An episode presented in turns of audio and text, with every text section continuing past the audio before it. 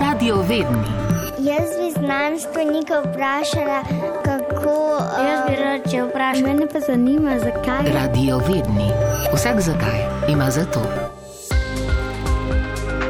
Radiovedni, kako ste kaj s tujimi jeziki? Ola, čau, guten tag. Zakaj sprašujem? Ja, znanje dveh ali pa več tujih jezikov lahko vsakemu izmed nas prinese kar nekaj prednosti.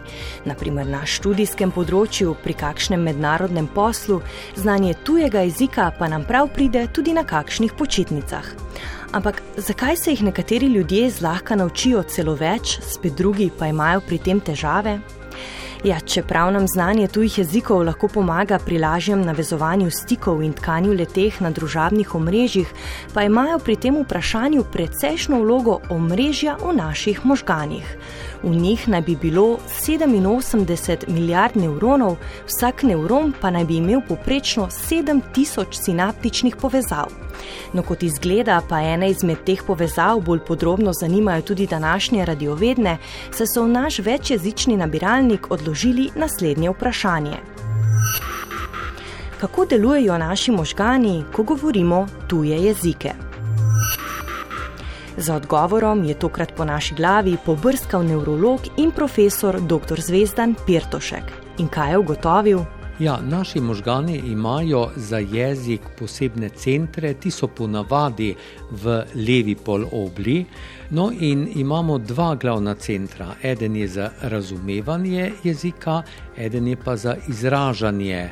No, in uh, ko mi govorimo, če govorimo več jezikov, potem je več povezav med tem centrom, ki je za razumevanje, vernike v centru ga imenujemo, in tistim, ki je izražanje, tega imenujemo pa brokov. Center. Skratka, za vsak jezik se nam eh, naredi eno, ena posebna zanka. No, vendar je zanimivo to, da ko, če se učimo obeh jezikov, ko smo zelo mladi, potem se ti dve zanki praktično lahko prepleteta. Čim starejši pa smo, ko se učimo torej drugi jezik, tem bolj se dogaja, da tisti center, ki je za razumevanje, ostaja skoraj da en sam, se pravi, je dobro prekrit, medtem ko tisti center, ki pa je za izražanje eh, jezika, se pa vse bolj in bolj eh, ločuje od dveh ali več jezikov. Tako da ponavadi dobro razumemo, težje pa morda aktivno spregovorimo.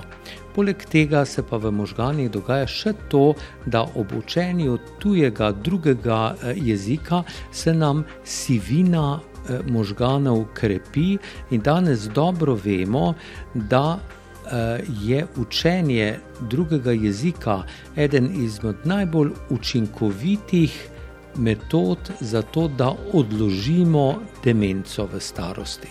Ker za štiri leta jo lahko odložimo, če se učimo tujega jezika. Zanimivo je tudi to, da večina raziskav z možganskim slikanjem kaže, da so, ko vladamo drugi ali tretji jezik, aktivni isti predeli možganov kot pri prvem jeziku. No, nekatere razlike pa se pojavijo pri jezikih, kot je naprimer kitajščina, ki je tonski jezik in pri katerem ne samo razlika v zvoku, pač pa tudi v intonaciji fonemov lahko pomeni drug pomen.